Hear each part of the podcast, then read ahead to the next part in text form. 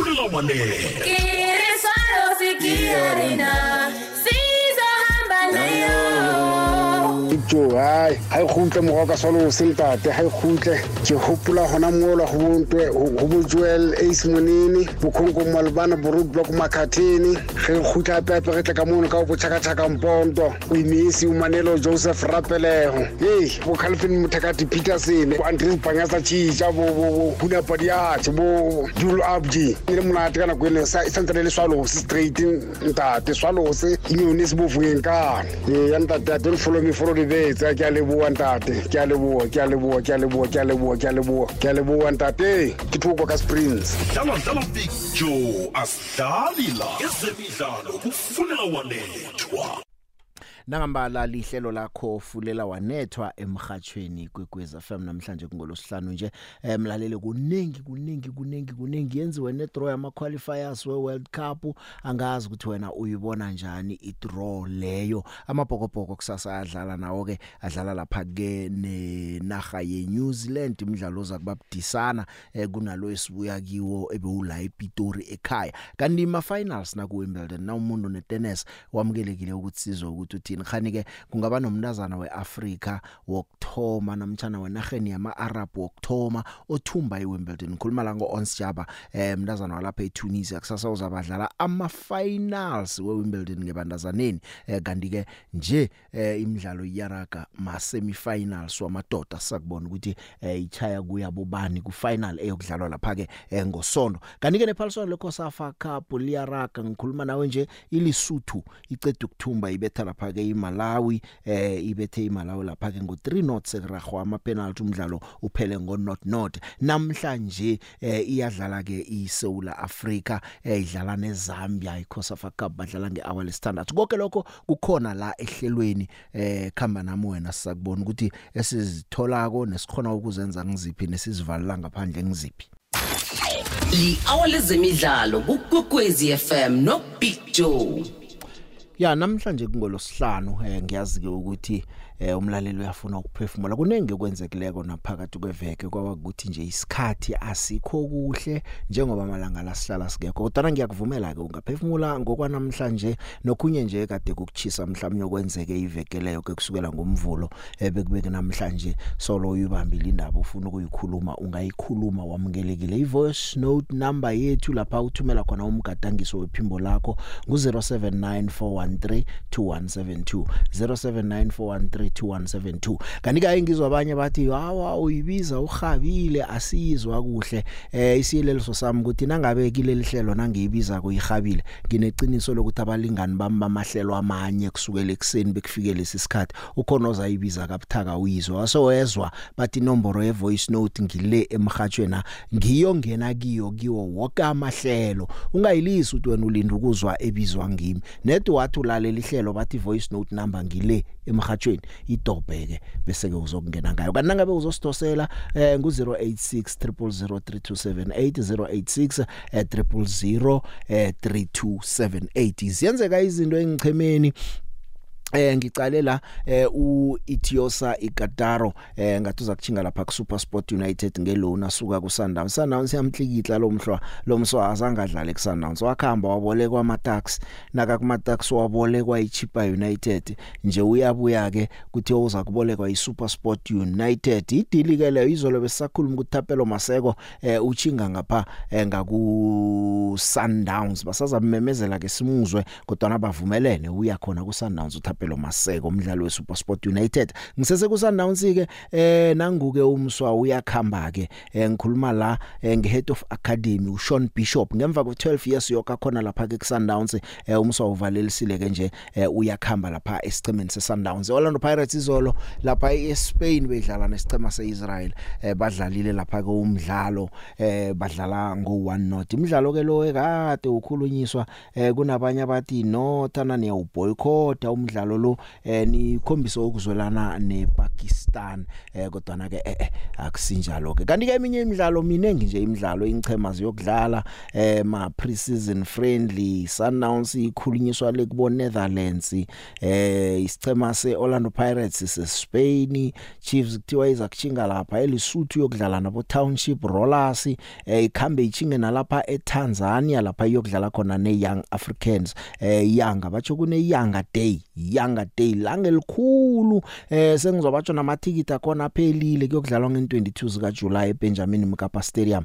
Eh zinjalo nje zindaba ezenzeka engichemeni ngaphana ngapha kodwa njengoba ngike ngatsho ke sihabe kangaka ke eh ayadlala ama amabhokobhoko eh adlala lapha ke nesichema eh lesike se All Blacks. Umdlalo oza kuba muhle umdlalo oza kuba mnandi. Eh umbanduli ke umzwandile stick olisekela lika mbanduli assistant. Kodwa njengoba sazi nje ukuthi umbanduli ophetheko ngemva ko World Cup uyakhamba sekucala ukuthi khana umzwandile stick kuza kuphiwa yena na ithuba. Yena banobongi imbonambi eh bakubeke kwakhanya ukuthi balinde umdlalo obudisi khulu unakudlalwa ne All Blacks kusasa eAuckland kumgcibelo ekseni eh ama Springboks indaba nje ebeyimbe campaign eh ukuthi uEbenezer uCaptain ubhujelwe ngubabakhe eh, ngezinye zendaba ezingasese ezingazange zibe mnandi kuhle lapha isicemeni kodwa ke uthe uyokudlala uyokudlala. Bathe isicundo sizakuthathwa nguye ukuthi uyadlala namtjana njani na wathi ngiyokudlala. Eh umzwandile stick uyatsho nje ukuthi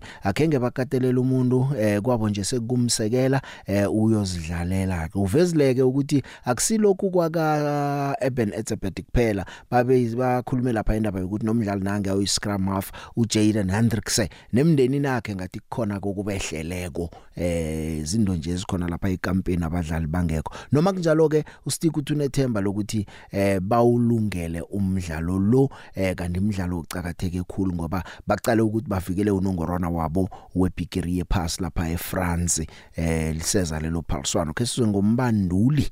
We just want to be there for Jurgen. So whatever decision he wants to take with his, with everything that is going through for him, so, uh, the gentleman made a decision. He wants to play. He wants to probably honor his dad with this game. You can't ask for any better game than playing against the All Blacks. You know, I think it will be very, very special through what he's going through. You know, us as a, as a team, we're just there for him. So whatever feeling he's got at the moment, we just want to be there, and we are sad with him because of it's a big loss also for us to lose. You know, a, a, a parent just going to make sure that we go there and uh, do everything in our power as, as Eben is our captain for the week. So we're always going to try to make sure we perform the best. There's one thing about us as a team, we're always there for each other through tough times, you know. And I know the focus this week is about him and his dad. Also lost uh, Jaden's dad also just before we left South Africa, you know. And that's one thing that I, I must be honest about and say as a team, you know, we're always there to support the guys. And uh, we've done everything in our powers to make sure that we're there for Eben. And that's also the reason why he's playing. You know, he is that, that he made a choice to, to play this week.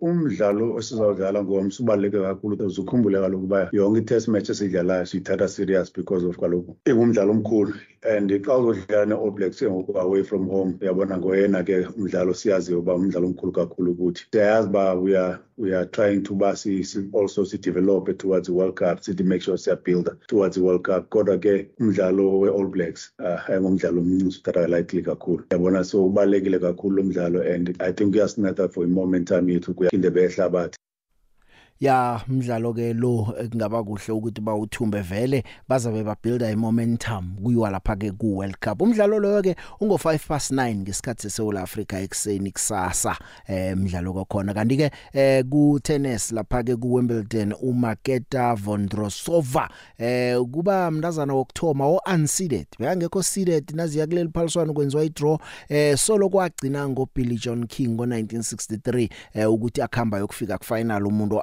unseeded emntazaneni ukhiphe lapha ke uElina Svotilova ngo 6363 eh izolo ke siyamthokozisa una 24 years ngolapha eCzech Republic kuma rankings ukunumber 42 eh iGrand Slam final yakhe yesibili le ebizelweni lakhe sambona kweyokthoma bekuyi French Open ngo2019 eh uyacho ke ukuthi umdlalo umkhambele njani I cannot believe it. You know, I'm just, I'm just very happy that I uh, made the final game. It was very tough. You know, she's a, she's such a fighter and she's also such a great person. So uh, yeah, I, think it was a very tough match, and I'm just very happy. I was nervous the actually the whole match, you know, because uh, yeah, I was leading, you know, 4-0 in, a- in a second set, and she came back, so uh, she broke me twice. So you know, you just stay, you just have to stay focused, you know, and uh, yeah, just you know, try to fight for for every game, and I'm just thankful for you guys and for your amazing support.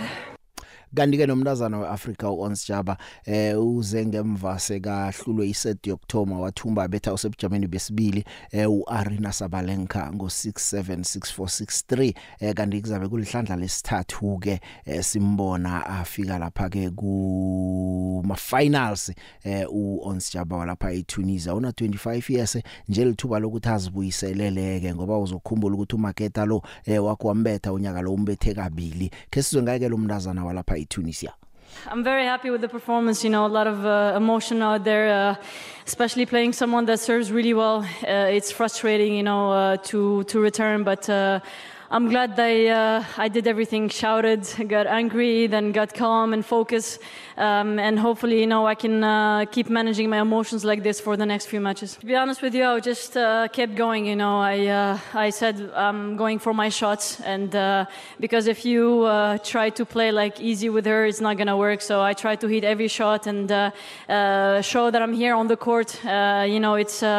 It's not easy always playing her, but uh, I wish we can exchange this match uh, from finals last year, if I can.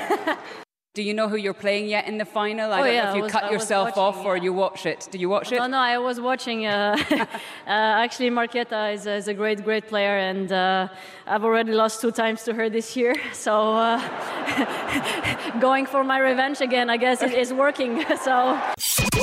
i-hour lezemidlalo ukwekwezi fm nobig joe isimbi yesihlanu itsho ukuthoma kwe-iri lezemidlalo ukwekwezi fm nobig joe. Kukhanya ba. Ya na na umAfrika ke eh, ufuna ukubona ukuthi khani iza kuza iphaliswano leWimbledon eh, lize Africa lama singles na eh, siza kucala lapha sibona ukuthi Ons Jaba wenzani ke ngoba kuhlandla lesithathu afika kuma Grand Slam final kodwa kakabe ukuthumba eh hlandla lesibili ngokulandelana afika kule final. Udlale kuhle indleleni yakhe ezala ku final ubetha abantu abasebujameni obuhle hle eh mhlawumnye ke nonyaka nje angathumba ngoba unyaka uphelele kwabetshwa eh kuma final abetshwa nguElena Rybakina eh nje umbetile uRybakina lo nje ke uyokudlala ke eh kusasa. Sakubona ukuthi zimkhambela njani izinto nakacalene noMaketa Vendrosova.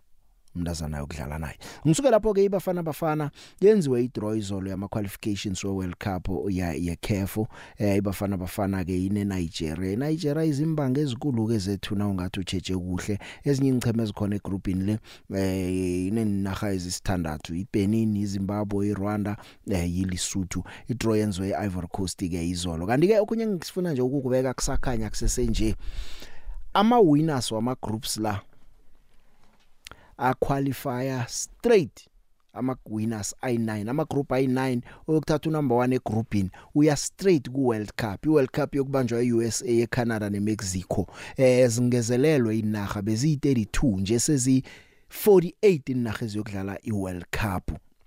Bese kuthi ama best runners up ay4 ayokudlala iplayoffs ayokubethana lapho ke kuyoba itournament abo babethane bese kusala munye. Munye loyo osalako naye uyakhamba uyokudlala enye playoffs lapha bokudlala khona nezinye inaga ingchema enaga ezisithandathu ezibuya kuma confederations amanye weFIFA ngaphandle kweUEFA. Eh bokuhlangana abahlangane ke bese kudlalwa lapho ke ne othumbako naye achinge ku World Cup. So iAfrica ngaphandle kwalabo abayi9 laba bazabe bakuma best eh best runners ups ozokuwina nabadlala bodwa beAfrica wawina nalokho kuyi continental playoff. Kusho ukuthi iAfrica ingaba nenaga ezilichumi ku World Cup. But nje eziqinisekisweko zilithoba 9 guaranteed spots ku World Cup yango 2026 siyathokoza ke eh sakubona ukuthi khani singaba lichumi zokudlala zonke inaga ezona mtshana njani na. Ibafana bafana nasikhuluma ngokuqualify i World Cup sagcina ngo 2002 ukuqualify. Year ka 98 sayiqualifyela bekungiyokthoma 2002 sa qualify sagcina ngci ukuqualify ukudlala ku World Cup sagcina ngo 2010 nakona sidlala ngoba izekitha njeke sesingezelelwe inaga mhlambe kusakhamba siyokudlala iphaliswano lebigiri yephasi sizakubona khona. Kanti ke seyiyoke idraw ku group A kune Egypt iBurkina Faso iGuinea Bissau, Sierra Leone, Ethiopia neDjibouti ku group B Senegal, iDemocratic Republic of Congo, iMauritania, iTogo, iSudan neSouth Sudan ku group C Nigeria, iSouth Africa, iBenin, iZimbabwe, iRwanda neLesotho. iZimbabwe mhlapa nje bengiceda ukuthi ukuthi iBen yakhona bayiliftile.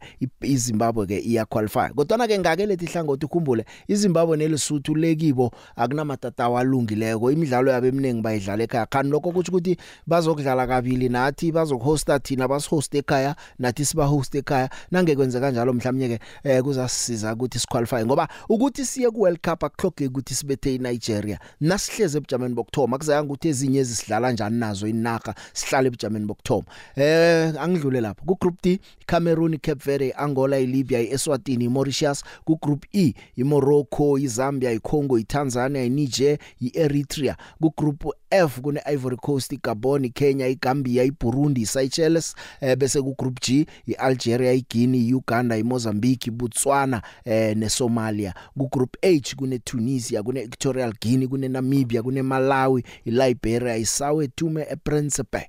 Bese ku group I kuyi number 9 igroup yokugcina eh kune Mali kune Madagascar kune Central African Republic bese kube ne Comoros ne Chad ma qualifiers ama qualifiers la okthoma ngo November nje ukuphela unyaka ozako eh ngo October yana ngikhumbula kuhle ama qualifiers la.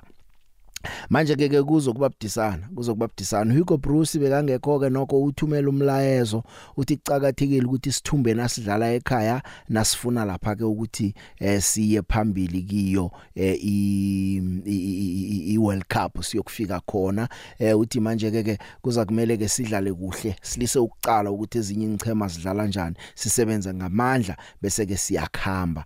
Nigeria neSouth Africa zona ziyahlagisana uyazi ke eh ibafana bafana yadlala indima enkulu ekukhipheni iNigeria eh lapha ke ngo2015 kuAfrica Cup of Nations qualifiers. Kanti ke yazibuyisela ke eh, lapha eEgypt Nigeria yasikhipha kuma quarter finals. Manje ke uyazi ke uBruce ukuthi icathe kangani kodwa uveza nokuthi ke eh iZimbabwe neLesotho nazo akusizo zokunyazwa ngoba singachelela nasingakacheji eh kilezo naga embili. Akutsho mina ke kutsho umbandulo wesichema senaga uHugo Bruce. Ake simuzwe ukuthi uthini yena nakabeka wakhe umbono ngemva kwedraw? When you look at our group of uh, the draw for World Cup 26. Um, I think we don't have really the most difficult group. Uh, at the other side, there are some tricky games in it. Uh, first of all, there is Nigeria, a very good team, always qualified for AFCON. So it will be tough games against uh, this team. But don't forget here there are two neighbors who are in our group, like Lesotho and Zimbabwe. Um, they will be very, very motivated to beat South Africa. So uh, certainly the away games will be very tough. And then there are still two other teams with Benin and uh, Rwanda. Um, not the most difficult and the most uh, best teams of uh, of, uh, of Africa, but the away game is always tricky, and um, I think it will be very important in our group, not only to win our home games, and I think uh, that may not be a problem. But the away games, and uh, this is the something which uh, decide, which will decide who will be first in our group, and we have to go for the first place, so that we don't have to play um, playoffs again afterwards, and we are um, qualified direct for a World Cup. So. Um, the away games will be very important in a group like always, but maybe now a little bit more because we have uh, yes five difficult away games for different reasons. So um, I think it has to be possible for South Africa to qualify for World Cup 26, being first in the group. Um, if you see the progression we made in the last two years. Uh, you can't compare those qualifiers with the qualifiers for uh, for Qatar two years ago. We are better now. We have a better team now. So okay, I'm confident. Um, still, I know that uh, all the games have to be played, and um, this will be something uh, a next step in our progression. That uh, those difficult away games against those not the best teams of Africa like Zimbabwe, Rwanda, Lesotho, and Benin. That we have, we have to try to win them and have uh, try to win as much as possible uh, points because those points, those uh, victories, will be decisive at the end. Uh, who will be first? And I think it will be a battle between Nigeria and us.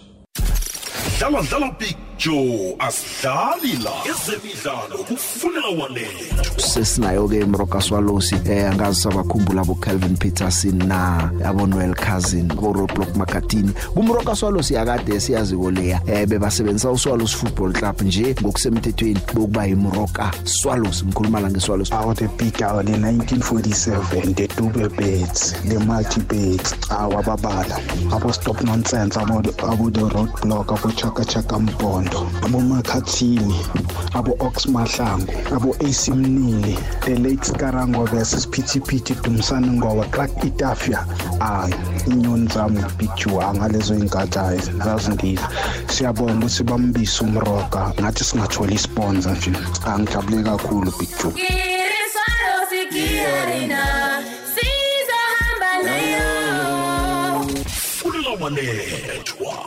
sizohamba nayo funeka wanethwa Eh sithokoze Big Joe eh mina ngiba ukubuza manje Big Joe khuluma no- nomthokozisi sikhosana ngapha eh ngiArnold ngifuna ukubuza ukuthi khani eh inaga ethumbe iAfrica Cup of Nation eh ayi ayi straight eh iqualify ku ku World Cup. Eh ngiba ukuthi ungidlulisele lapha so play for Big Joe Hi Big Joe kunjani? Ya ukhuluma noThabo ngapha ngemaphodla. Big Joe ngithe nangichecka i-fixture ngicela ama-game we-TS Galaxy. Kunala khona i-TVN yokudlalela iCamera Fair Stadium. I think imidlalo eyi-3 or 4 if ungakaphosisi. Angazi ukuthi eh mhlambe ikwamhlanga yona or u- ukubiza uthi emikhaka siconfirmele ukuthi kuliqiniso kangangani ukuthi i-TS Galaxy kunemidlalo ezoyidlala ye-PSL eCamera Fair Stadium? Ngoba i-picture ye-PSL itsho njalo ungazi kune eCamera Fair Stadium zobe ikulungele na? Ya no eh a- angazi nami anginaqiniso nami bengingathanda yazi ukuthi ngimbize ngikhulume naye kodwa na angazi ukuthi eh usakhumbulana sagcina sithenjiswa amaphepha wamaloya lapho wamagcwetha eh kwathiwa sikhuluma amanga sithe bakoloda abadlali. So eh sathunyelwa ke nama SMS ukuthi abantu balala kuma chambers ba draft amaphepha okusubophisa sawalinda tot namhlanje siwalindile.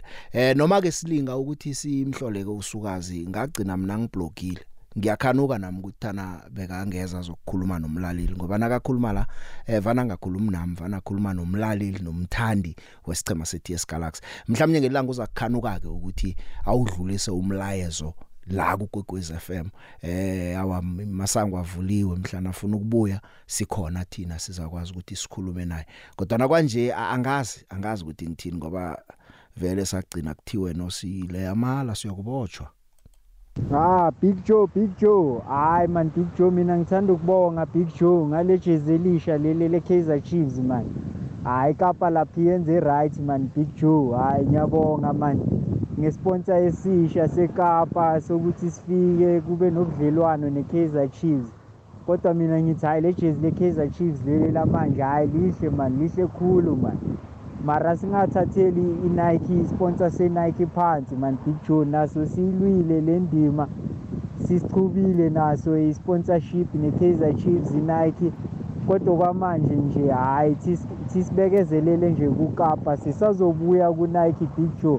Hayi lihle ijezi le- le-Kaizer Chiefs. Nabadlali babasayinile manje hayi bayajabulisa.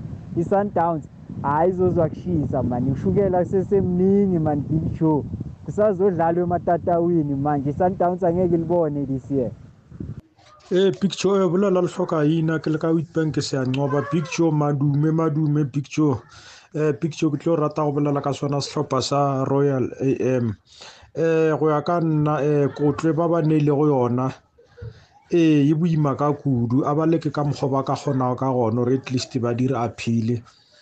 Eh ba zama gore at least ba ba fokodiletse yona mengwaga ka re mengwaga e mmedi ge o sa sign go tlo ba bothata o tlo fetsa o ehlile mola go mo leaking ka ra gona nto e tlo lokago gabotse. Mara le yona royal am le yona ba dirile phoso go kolota motho a bo mo patele bona gana bjalo gore go tswelelang ka mogo go diragalang ka gona picture thank you picture ke tlhoka ina seancoba witbank. Ah kwanda kwande Big John no Ari. Ngithi unyakeni omutsha or njani ngoba kade ngagcina ukungena mara bengilo ngilalela ihlelo ngihamba nani? Eh Big Joe hey ngiyezwa inarha ze-Africa zingaqualifya for World Cup zingaba lisumi. Mara hayi bafana bafana silonke singazi ukuthi ujezi number bani bani ugcwanga ngibani ujezi number bani bani ugcwanga ngibani angeke iqualify. Yabona ibanyana banyana siyazi ukuthi yona ingaqualify vele ngoba siyabazi nabadlali bakhona ukuthi ujezi number bani bani ngubani? ujezi number bani bani ngubani? Esikwatini bafana bafana? Hawa angiboni sesekude la kuyiwa khona kuyabhildwa thokoza ukhuluma imphiwa lisandawana la ithemba lethu sure. Asirageke iyadlala ibafana bafana eh ya idlala lapha ke nesichema seZambia. Eh badlala ngehour lesithandathu ma semifinals we COSAFA Cup. Eh ukhumbule ukuthi nabathumbuleko kusho ukuthi ku final bokudlala lapha ke enelisuthu kanti ke ngisesendabeni zabo COSAFA ke ngene kweze CAF eh umongameli weCAF uPatrice Mtsipe uthi imali yonke eyenzeka kwaibholweni kumele yebadlalini engichemeni ku association iye nemahlelweni we development eh uvezile ukuthi bacho benze iCAF yenze imali e2.25 billion rand.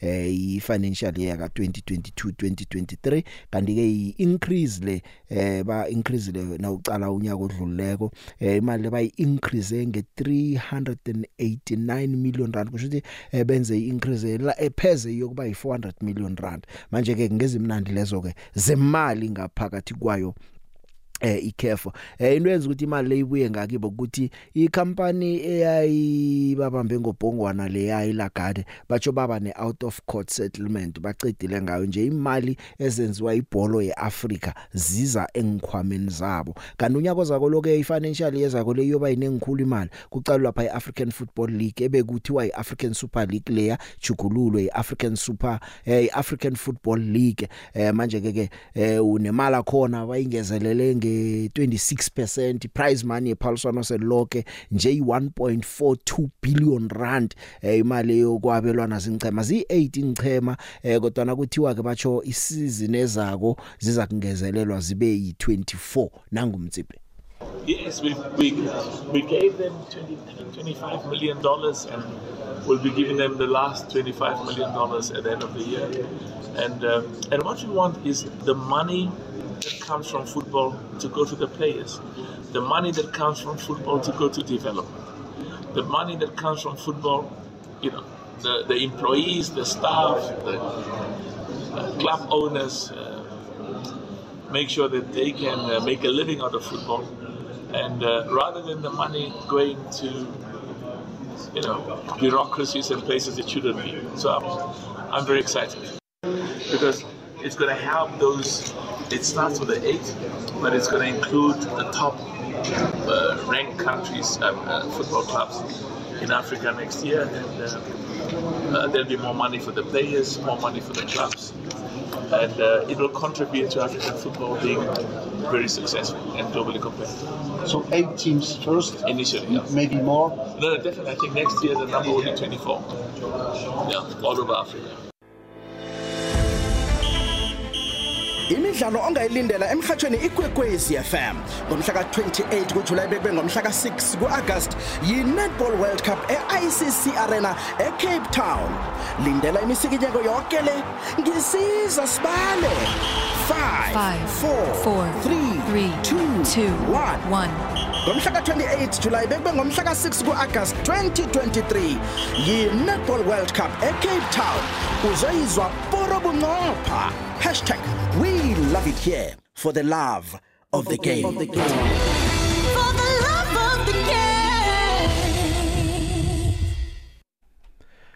Ngizolezo ke indaba esizivezelwa lapha ke nguPatrice Mutsipe eh, ungumongameli wayo ke iCAF zimnandi ke indaba eh, ukhulumisa nokuthi man eh, inaga azilungise zisebenzise iPulson lele AFCON njengoba iAFCON iya lapha eIvory Coast umtsipo uthi iIvory Coast ayisebenzise iAFCON njenge springboard bakwazi ukubuyela ezingeni abaziwa bakilo. iIvory Coast kwakwaba ngenye inaga eyikhamba phambili ngebhola eragwako la eAfrika. Eh manje ke ke i njengoba ke kuzokudlalwa namatatawu ezinye inaga zinawo ngikhuluma la ngikubalala iLesotho neZimbabwe. Eh lokho angazi ukuthi ukuthini? Kusho ukuthi South Africa khani iyokudlala nama away games ekhaya na? Eh umtsipeke uyayichecha ke nayo indaba leyo yamatatawu. Kodwa nawuthi kumnandi ngoba ke ezinye inaga amatatawu akhona ke sekubonakala nokho eh kunetuthuko ngehlangothini lamatatawu kezinye inaga nje ezakhona la eAfrika. Eh balungisa amatatawu. Ngendlela ekungiyo ke simuzona kakhuluma lapha ke ngamatatawu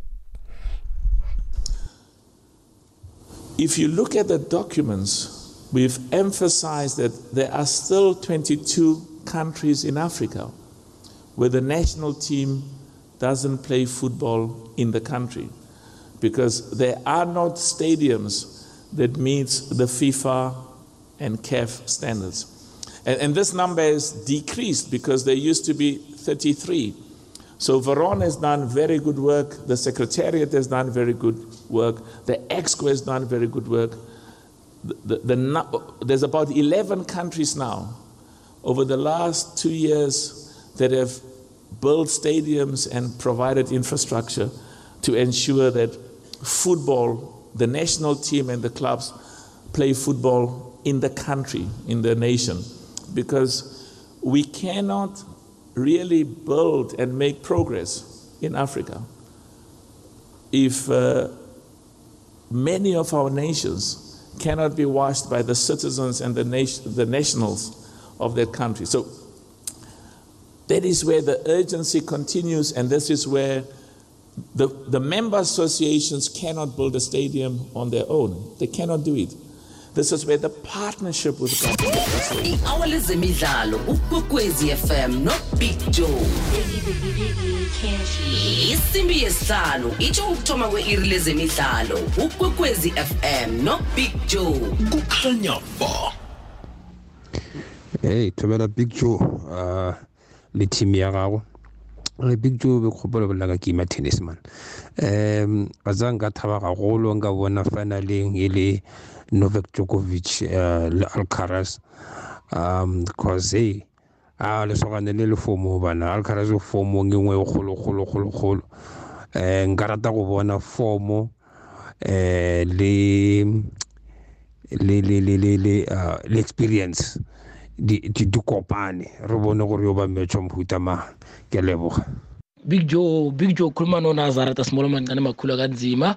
Big joe ulale nazareta kwamhlanga empumelelweni the big at big braka nna ke rata o lebogisa mmereko o dirang braka a jopa wa e shapa nteka a jopa wa e betha mfethu at big especially eh, ke bona mo facebook mfethu re updata ka ka match e leng gore re tlo ba le yona di-fifa break like ko re bona o re fa mokganyo wa ntshwara mo re yang debek ke bolelele ka fixture mfethu i-fixture debek iphumile world cup qualifiers iphume kuhle mnandi even though siyazi ukuthi thina nenigeria senzanani debek angithola. Mara kumnandi ukudlala nenigeria actually isicheme esicinagcinileko in order ukuthi sikhona ukuzibona ukuthi um sizilungele kangangani ukuyokudlala phambili? Yabona the big mfethu bona modimo a o dire ka botho le ka lerato stola hello big john njani? Eh nangicheka ama-group la woke nanithi eh kuya ama ama abawina ama-group kuphela ku-world cup. Awa big joe i-south africa ayiyi ku-world cup. Angiboni mancane khulu amathuba ukuthi singaya ku-world cup. Kube besithole enye country kungasingakatholi inigeria bekuyoba ngcononyana but ngicabanga ukuthi inigeria thina izosihlula izohlala ngaphezu kwethu ngiyo engakhona ukuthi ithophe igroup. Eh noma ngicheka big joe eh ibanyana banyana ngicheka amagroup webanyana banyana ngizama ukwenza i-research. Ah big joe angiboni ukuthi singadlulela phambili. Ngibona ngathi sokudlala imidlalo eyi-three le bese siyabuya. Angiboni big joe. Asazi ukuthi kuyokukhamba kanjani ngehlangothini lebanyana banyana nebigiri yephasi. Eh nangumlaleli utawa yena bekaboni si angisakhuluma ngebigiri yephasi nje eh sengithi nje fahla fahla ngikhumbule ukuthi eh kuyokudlalwa eh eNew Zealand neAustralia phaliswano lebigiri yephasi ke ngitshetshele nje abanye babadlali ongabaqala. Inga banengi kodwa kunomdlali nangu nguSemke walapha eAustralia una 21 years. Iposter ke lebhola eragwako yalapha eAustralia. Eh kodwa ningazi Australia kuphela sengithi nje umdlalo lo wonke wabantazana webhola eragwako eh waba umntazana wokthoma eh, ukuvela ku cover ye FIFA video game series eh waye no Kylian Mbappe. kuFIFA 23 abantu abadlala ama game lawo bayamazi. Eh kanti ke na umcala kwaba sebujameni bokthoma nakubalwa lapha i top 100 best female footballers eh of, in the world yaka 2019 unyaka opheleleko uphume lapha eBgermany besithathu. Eh okay uyabetha amagondela akadlali akadlali esichimeni senaga ubethe 50 goals emidlalweni e105 kuphela eh na ungaqala nje ukuthi udlala kangangani? Uzokubona nje ukuthi ngomnye wabantazana singabacala. Nangomunye nguJennifer Hermoso Fuentes ngolapha eSpain. eSpain uAlexia Putellas sebebaqalele kuye. Eh kuyazazwa ukuthi uza kulunga nawo ulimele. Manje ke nakangekho uJennifer Hermoso lo ngathi nguyeke kuza kumele athathe umsebenzi omkhulu esichemeni lesi seSpain senaga udlala isichema salapha eMexico iPachuca Femenil eh, ku First Division. Eh, wathoma ukudlala lesichema senaga ngo2012 kanti ke na ungaqala eh, uyi all time leading scorer yeBarcelona ibandazaneni yalapha eSpain lo mntazana una 48 goals emidlalweni e97 manje uzabadlala iphaliswano lebigiri yephasi lesithathu. Wathoma ukudlala eCanada ngo2015 lapha eSpain saphuma khona emzombeni okthoma kodwa solo kwalokho into esekayenzile nje ukhona uyibona ukuthi ingangani. Bese kuba lapha ke noPenile Harder ngwalapha e eDenmark.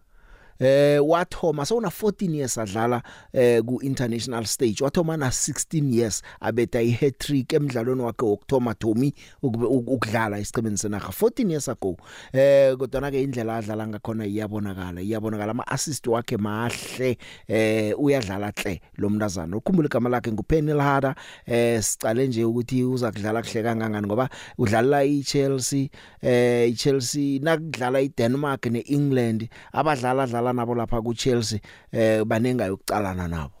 Sakubona ukuthi basebenza kanjani kunomunye ke eh walapha eFrance nguWendy Renard Wendy Renard eh wafika esichemeni esingo 2011 abet alethwa mbandulu uBruno Bini Renard eh uBruno Bini kokwakho eh aletha uRenard lo.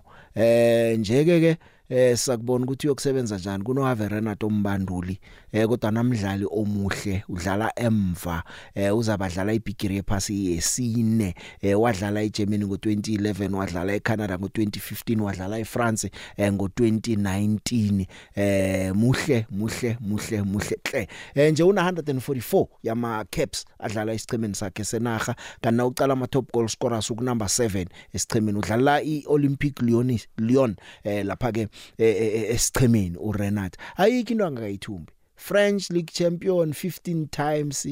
Ama French Cup lapha uyithumbe kayi9 UEFA Women's Champions League uyithumbe kayi8 muhle umbanduli bese kuba nomunye ke nangu walapha eBrazil eh uDebina kuDebina udlala isichema seKansas City udlala ku midfield na uya lapha eUSA uyokuthola uSophia Smith. Sophia Smith eh muhle muhle isicema sakhe usizile eh isicema sakhe silapha yini? yiPortland Thorns isichema sakhe sidlala lapha eUSA eh, kanti ubethe 11 goals isichemeni senaga yekhabo. Eh waba USA footballer female player of the year.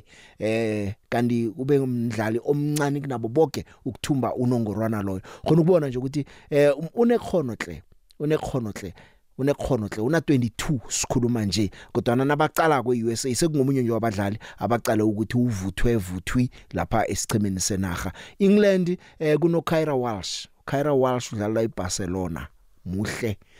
England vele hawa nguye umgogodla bathi is the heartbeat yesicema seEngland senaga eh wasuka ku Manchester City wachinga ku Barcelona eh wathengwa ngemali enengikhulu una 26 years nje eh possession football ngiyayidlalako nguyo dictator itempo yomdlalo wesicema senaga salapha eEngland. Ngabanje babadlali eGermany ukhona uAlex Pop Alex Pop indima indima ayidlala kwesicemeni senaga ekhabo eh yihle khulu. Ihle khulu ngucaptain wesichema eh muhle umntazana una 32 udlala eWolfsburg sakubona ukuthi uyokwenzani nonyaka nje kilo leliphaliswano lebigiri pass. Ngabaye nje babantazana abahle? Kanti banyana abanyana nangibuya ngakiyo siyokudlala neCosta Rica ke kusasa ekseni umdlalo kuthiwa ungo4 ekseni umdlalo wethu wokuzithabulula wokugcina ngaphambi kokuthi kuyokthoma lapha ke eh iphaliswano lebigiri yephasi akhe sizwe ngombanduli uDesiree Ellis ukuthi uthini aqala umdlalo lo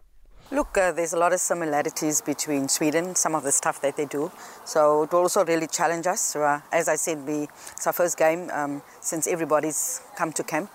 Um, we had our selection camp, we had our preparation camp in South Africa. So everybody's in camp now, and uh, it's a good uh, test for us to see what we still need to work on in the next couple of days. As we know, we've been preparing for Sweden. Everything that we've done in training was for Sweden, um, but there's similarities, so it will really test us. It's always good to win a match. Um, that's your first priority. But you also look at improvements. You look at what you've worked on. You know, to be able to tick those boxes. Um, how we defensively organised, how we uh, work in our tech, how we do our transitions, things that we've worked on.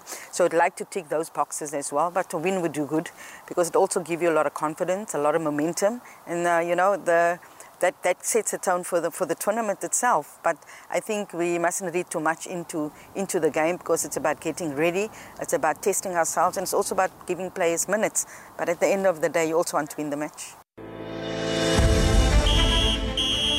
Imidlalo ongayilindela kukwekwezi fm siyokuhashela poro bunqopha ififa women's world cup ngaphetsheya kwamalwandle enew zealand ne-australia. Ibanyana banyana ikugroup g ine-argentina i-italy nesweden. Ngosonto mhla ka-23 kujulayi ibanyana banyana yokubambana nesweden ngesimbi yekhomba ekuseni. Ngolosihlanu mhla ka-28 kujulayi ibhudabhudana ne-argentina ngesimbi yesibili ngamasa ekuseni.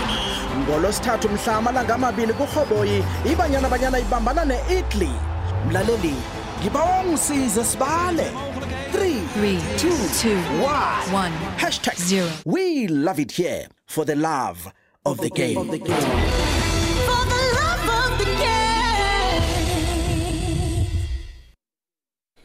ya isikhathi siyagijima indaba seseziningi ngiyakhanuka ukuthatha nemtato nangabe uyadosa eh ungase udose mhlawumnye munye babili bangangena eh ngoba nama voice notes nakana wangena kangako sesikhathi salako Sithokoze Big Joe no Arvuna eh sifisele ibafana bafana kuma qualifier we World Cup. Okuhle kodwa Big Joe nathi sesifuna ukuthi sibe nesichema esizikhakhazisa ngaso ngaphandle kwesichema sokuthi saka 1996 kube nesichema esitsha esizokuvela naso Joe. Sithathe sibeke eSouth Africa ku map emhlabeni wonke. Into into leyo sigayithola kanjani ukuthi abadlali bazimisele Joe. Sithola umbanduli osaziko lo sinaye lo siyambona uza kuhle. Simnikele support Joe njengabalandeli. Sekele ukuthi sicriticize kuphela. Isichema senaga sifuna isupport eningi ngoba lapha abadlali babuye engichemeni esihlukileko. Kufuneka ukuthi sikwazi ukuthi eh si sijama naso bini nasebuhleni picture khe bazame ukuzakhela labo igama khe bakhe yabo ihistory khe batsho nabo ukuthi ngo-2026 nathi safika ku-world cup. Usemoyeni yeche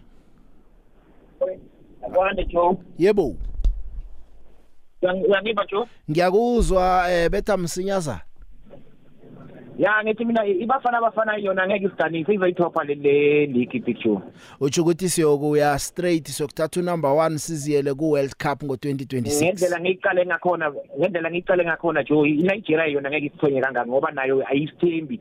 Iza kithi vele iyazi ukuthi siyayithagisa kwayona kwasathini iyasithagisa. Ngiyakuthanda ukuzithemba kwakho. Kungaba mnandi sagcina ukuqualifyela i-World Cup ngo2002 our man kuwakhumbula amazwi ami picture so siyoyithopha le le le group lena na kanjani ngithokozile ngibani kuphi? battery ka 8 ngubani kuphi? Umsane wange playing battery ka umsane nge playing battery ka 8 sharp to me usemoyeni the big yeche nomlaleli kokoza FM Alfred kwapundulwana yeche the big bafana bafana. Hayi yabona nje. Hayi bafana bafana the big ngiyabheja ngayo. Eh, amagemu adlalekile lehle khulu kwamambala. Ngiyacabanga ukuthi Nigeria Nigeria the big iyasaba. Nigeria siyisaba siyabethana bafana bafana ihlaka Nigeria the big man hayi 2026 siyaya the big kwabura lokhumana Alfred lijo ngithokozile Alfred. Esawubona picture ukhuluma noAdam Masinga eh, elikwatini but umsebenzi ngila eJobek. Hayi picture mina ngichaza ifixture ukuthi iPSL siyokucala ngasukudzala. La bahlala bakhala bathi Sundowns doing this Sundowns mosha abadlali qini Sundowns mosha abadlali. In that 5 games Sundowns itodlala idoba ina 15 point yoba inumber 1 futhi. So labadlali bahlala ba- babamosha ke. Bathi aboselo bachubeka abadlali bafuna ukudlala iSundowns ngoba iSundowns angithi kuyawina phela lapha.